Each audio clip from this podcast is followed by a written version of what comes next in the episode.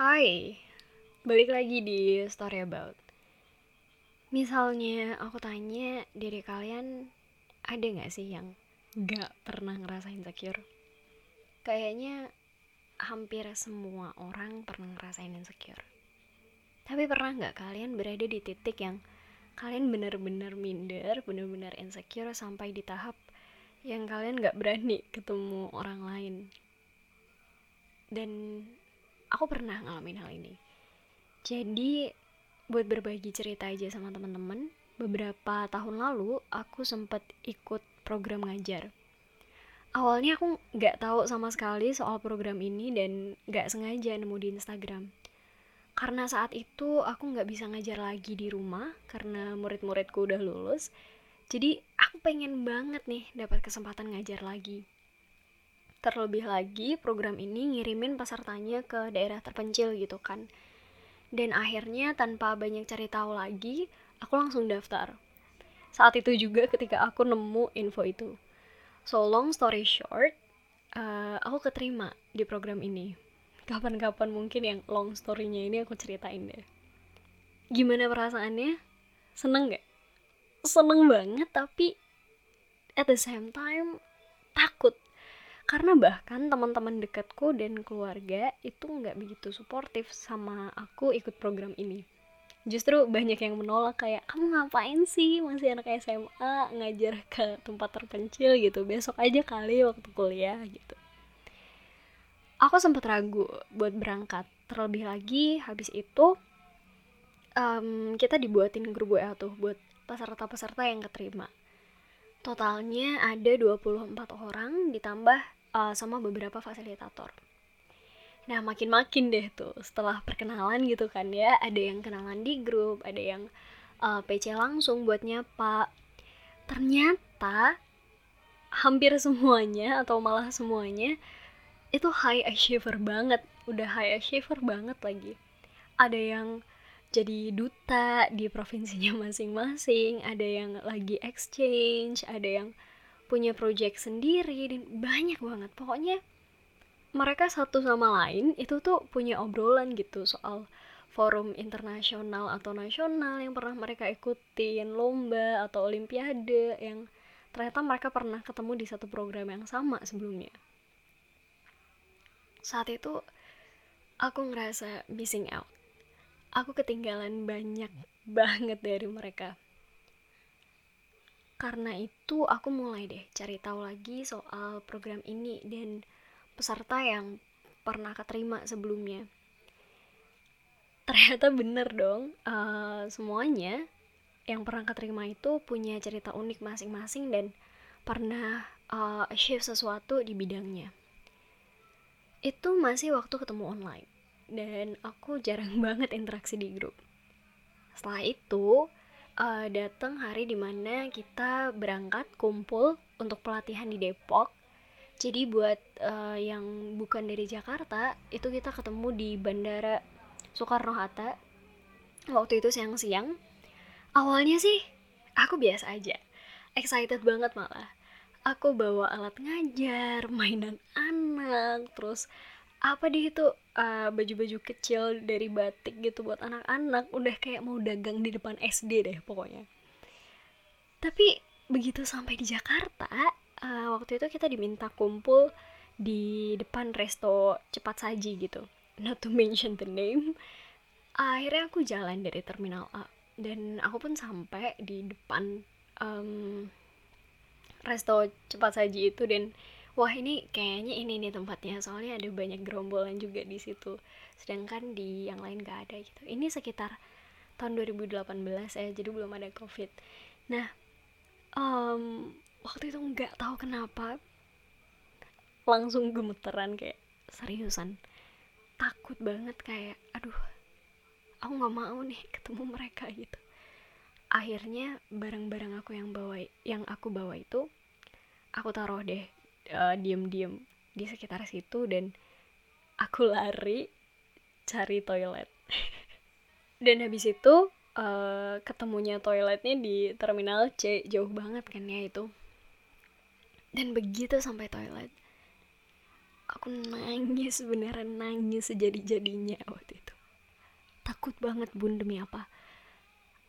Aku takut nggak bisa ngimbangin teman-temanku yang latar belakangnya udah luar biasa. Aku takut kalau nanti aku malah jadi beban buat kelompok aku dan pokoknya saat itu aku ngerasa aku nggak ada apa-apanya lah dibanding sama mereka. Udah apa ya insecure banget gitu rasanya. Bayangin aja waktu itu aku daftar duta PMR di kota aja nggak keterima gitu. Sedangkan ini aku harus di program yang sama sama mereka yang uh, dutanya itu ya udah provinsi udah nasional ya. Aku ngerasa jauh lah dari mereka. Aku juga bukan anak yang akademisnya super banget nggak pernah bikin komunitas atau gerakan tertentu. Boro-boro ikut olimpiade gitu kan PR kimia aja aku kerjainnya paginya. Waktu itu aku cuma ngelihat diriku sebagai anak yang pengen ngajar aja dan keterima tuh karena keberuntungan gitu sampai beberapa kemu menit kemudian aku nyoba nenangin diriku sendiri kayak aduh jangan nangis lama-lama dong yang antri udah banyak gitu. Terus aku coba tanya sama diriku sendiri kayak hey tujuan kamu ngapain sih ke sini gitu. Kamu ngapain ikut program ini dari awal ketika kamu ngeklik dan memutuskan untuk daftar itu apa sih yang kamu pengen? Gitu. Dan akhirnya cuma ketemu satu jawaban aku pengen ngajar. Titik. Gak ada alasan lain.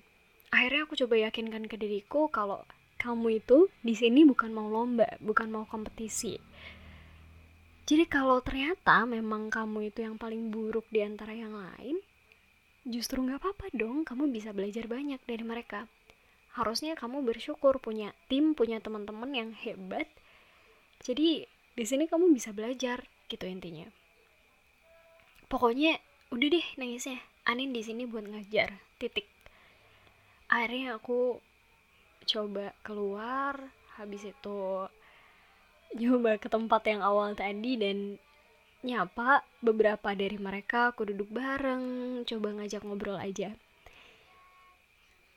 Dan akhirnya tentunya dengan banyak bantuan orang lain di sekitarku juga saat itu program ini justru jadi salah satu momen yang life changing buat aku cila tapi beneran beneran um, merubah banget gimana perspektif aku memandang orang lain memandang dunia dan memandang diriku sendiri. Karena waktu itu uh, aku adalah tipe orang yang dominan banget. Aku tipe yang talkative dan banyak ngomong jadi sering menonjol uh, dibandingkan yang lain sedangkan ketika aku sama mereka ternyata banyak teman-teman yang uh, jago lebih jago ngomongnya daripada aku. Karena itu hari itu uh, pandanganku ke diri aku tuh semuanya berubah. Aku pengen lebih banyak belajar dan aku lebih banyak jadi observer dibanding yang um, ngomong gitu. Dan satu hal yang aku pelajari dan masih berlanjut sampai sekarang adalah belajar buat mendengarkan aku coba kosongin gelasku dan nerima kalau oke okay, aku emang gak sebaik mereka karena itu aku perlu belajar. And it turns out dari program ini aku punya banyak temen dan masih komunikasi sampai sekarang. Aku suka banget kalau ngobrol sama mereka sampai sekarang dan ternyata orang-orangnya humble dan dia mau gitu temenan sama orang kayak aku gitu sampai sekarang. Nah dari cerita ini kira-kira kenapa sih aku bisa sampai se-insecure itu setelah aku pikir-pikir lagi aku lihat tiga tahun setelahnya why am I so insecure? Yang pertama karena aku belum kenal mereka dengan baik. Aku belum kenal teman-temanku saat itu dengan baik. Yang aku tahu cuman um, surface-nya aja permukaannya aja. Aku nggak tahu struggling apa yang udah mereka alami buat ada di titik mereka saat itu. Yang kedua, aku nggak berhenti bandingin diriku sama orang lain yang bahkan belum terlalu aku kenal tadi. Kayaknya ini familiar ya uh, di dunia kita sekarang karena dengan adanya sosial media, kehidupan orang begitu terbukanya, orang-orang um, bisa upload apa pun, bisa sharing apa pun di sosial media dan kita jadi cenderung lebih mudah bandingin diri kita sama orang lain ya lewat apa yang mereka bagikan di sosial media mereka. Nah, karena kebiasaan membandingkan ini, kita jadi melihat uh, orang lain tuh lebih tinggi dari kita atau lebih rendah dari kita. Uh, aku pernah baca satu buku judulnya The Courage to Be Disliked. Nah, um, di sana dibilang kalau kita sebagai manusia itu cenderung melihat hubungan antar manusia itu secara vertikal sebagai hubungan yang vertikal bukan hubungan yang horizontal. Jadi ada yang lebih tinggi dan ada yang lebih rendah gitu. Padahal seharusnya ya kita tuh melihatnya sama. Hubungan kita tuh horizontal, kita kan sama-sama manusia gitu. Dan aku setuju banget sih sama ini. Aku jadi mikir, mungkin karena saat kita membandingkan diri dengan orang lain, terus kita menemukan orang lain itu lebih baik dari diri kita dalam segi apa pun, kita akhirnya jadi merasa lebih inferior gitu, lebih rendah daripada mereka dan akhirnya memunculkan rasa insecure ini. Nah terus gimana dong? Uh, aku nggak tahu apakah yang aku bagikan ini akan um, bisa diterapkan ke semua orang. Kayaknya enggak sih. Tapi ini yang masih aku coba lakukan sampai hari ini. Kalau aku udah merasa insecure-nya itu mengganggu diriku banget. Yang pertama yang aku ingin coba usahakan adalah berhenti bandingin diri kita dengan orang lain. Ini klise banget pasti banyak banget orang yang udah pernah bilang ke kalian kayak gini. Tapi menurutku emang masih susah sih kalau langsung eh, nggak uh, sama sekali membandingkan diri kita sama orang lain. Nah kalau masih sulit dan masih terus banding-bandingin nih coba deh bandinginnya tuh yang adil gitu. Kita tuh cenderung membandingkan diri kita dengan orang lain di aspek yang mereka atau dia itu lebih unggul. Iya gak sih? Misalnya kamu bandingin dirimu sama temanmu yang juara kelas. Terus kamu bilang kayak ih gila dia tuh pinter banget loh. Kayak nilainya tuh tinggi tinggi banget. Nggak kayak aku gini nilainya pas-pasan gitu kan.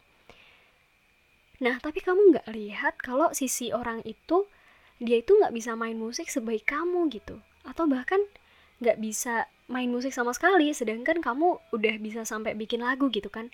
Jadi ada aspek yang sebenarnya kamu tuh lebih unggul tapi kita cenderung nggak melihat itu. Kita lebih sering melihat ya aspek di mana orang lain tuh unggul. Itu sih yang menurutku uh, perlu dibiasakan karena hmm, nggak hmm, semua kok orang yang benar-benar kayak perfect itu kamu beneran nggak ada apa-apanya gitu loh. Pasti ada aspek di mana kita ternyata lebih baik atau seenggaknya sama lah dari mereka gitu. Kalau kita terus membandingkan diri kita sama orang lain di aspek yang mereka lebih unggul ya wajar aja kalau kita insecure terus gitu. Atau nih misal kita membandingkan diri sama orang lain yang ternyata memang di banyak aspek atau hampir semua aspek dia itu lebih unggul dari kita.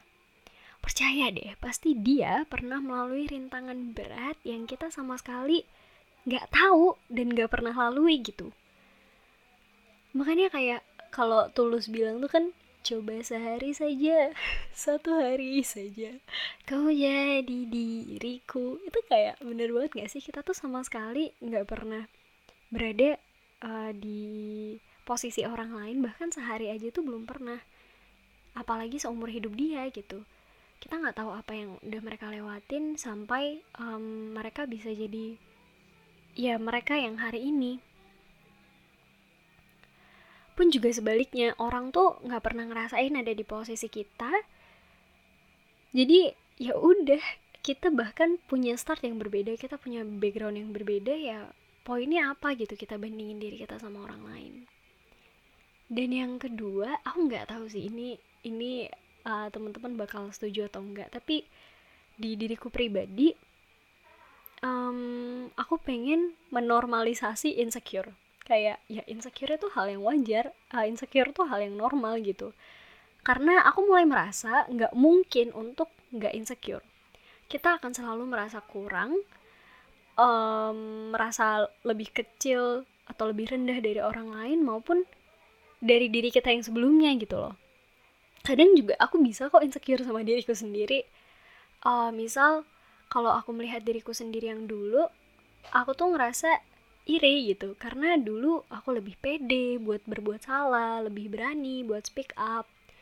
Bahkan kita tuh bisa gitu loh insecure sama diri kita sendiri. Jadi menurutku insecure itu hal yang wajar. Tinggal gimana kita nge-manage-nya aja. Bahkan kita butuh loh rasa insecure itu buat biar kita nggak merasa tinggi hati dan ngerasa cukup. Kita sampai kapan pun akan terus terpapar sama sosial media yang memperlihatkan kehidupan orang lain yang serba lebih baik dan serba lebih sempurna gitu. Kita nggak akan bisa mengatur itu. It's out of our control.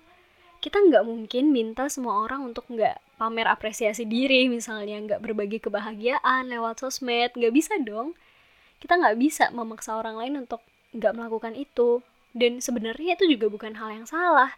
Toh kita sendiri juga ngelakuin hal yang sama ya nggak coba deh seberapa banyak dari kita yang pernah nunjukin titik tersulit kita ke sosial media waktu lagi nangis, lagi capek gitu terus selfie di upload di IG story, nggak pernah kan? Susah kan? Akan sangat sulit buat berbagi kesedihan atau titik terendah kita lewat sosial media. Karena e, menurutku pribadi itu juga hal yang privat. Jadi jangan harap juga orang lain akan menunjukkan kesulitan mereka. Jadi ke depan sosial media akan tetap menunjukkan sisi terbaik dari hidup orang lain akan wajar gitu kalau kita merasa insecure. Yaitu tadi yang terpenting gimana cara kita mengelola rasa insecure yang kita punya itu. Jangan sampai rasa insecure ini justru bikin kita jadi nggak berkembang. Dan sebaliknya, kalau bisa, jadikan rasa insecure itu sesuatu yang bikin kita terus humble dan sadar kalau kita masih punya banyak kekurangan. Jadi kita harus terus belajar ke depannya. Berlaku juga dengan cara kita memandang orang lain Sehebat apa pun, sebahagia apa pun, orang kelihatannya pasti ada kesulitan dan tantangan atau kekurangan yang harus mereka hadapi juga gitu. So yeah, be kind to yourself first and then be kind to others as well. Kalau bukan kita yang baik ke diri kita sendiri dulu ya siapa gitu. Kemudian balik lagi sama cerita yang aku alamin tadi setelah aku pikir-pikir lagi, kenapa ya kita tuh insecure banget sama orang lain karena prestasi, karena ketenaran misalnya. Padahal kita tahu kalau hal-hal itu sebenarnya bukan jadi standar atau patokan seseorang itu adalah orang yang baik atau enggak. Seseorang itu lebih baik dari orang lain atau enggak itu sama sekali nggak bergantung sama hal-hal tadi. Nah, jangan-jangan Ternyata selama ini kita insecure, kita takut dipandang rendah sama orang lain karena jabatan, prestasi, ketenaran, dan hal-hal superficial lainnya karena kita memandang orang lain dengan cara yang sama. Jadi siapa tahu kalau kita juga merubah bagaimana cara kita memandang orang lain, kita nge-value orang lain itu gak hanya tentang prestasinya atau um, jabatannya misal atau ketenarannya kita juga bisa mulai melihat hal-hal baik dalam diri kita sendiri dan berhenti membanding-bandingkan kita dengan orang lain dengan standar yang ada di masyarakat saat ini. So, mungkin itu dari aku. Um, cerita yang aku sampaikan ini semoga bisa menemani teman-teman yang mungkin sekarang lagi ngerasa insecure atau nggak percaya diri. Tolong percaya kalau Tuhan itu nggak pernah menciptakan sesuatu yang sia-sia nggak pernah menciptakan sesuatu yang jelek. Semua ciptaannya itu pasti luar biasa. Dan salah satunya itu kamu terima kasih sudah mendengarkan sampai akhir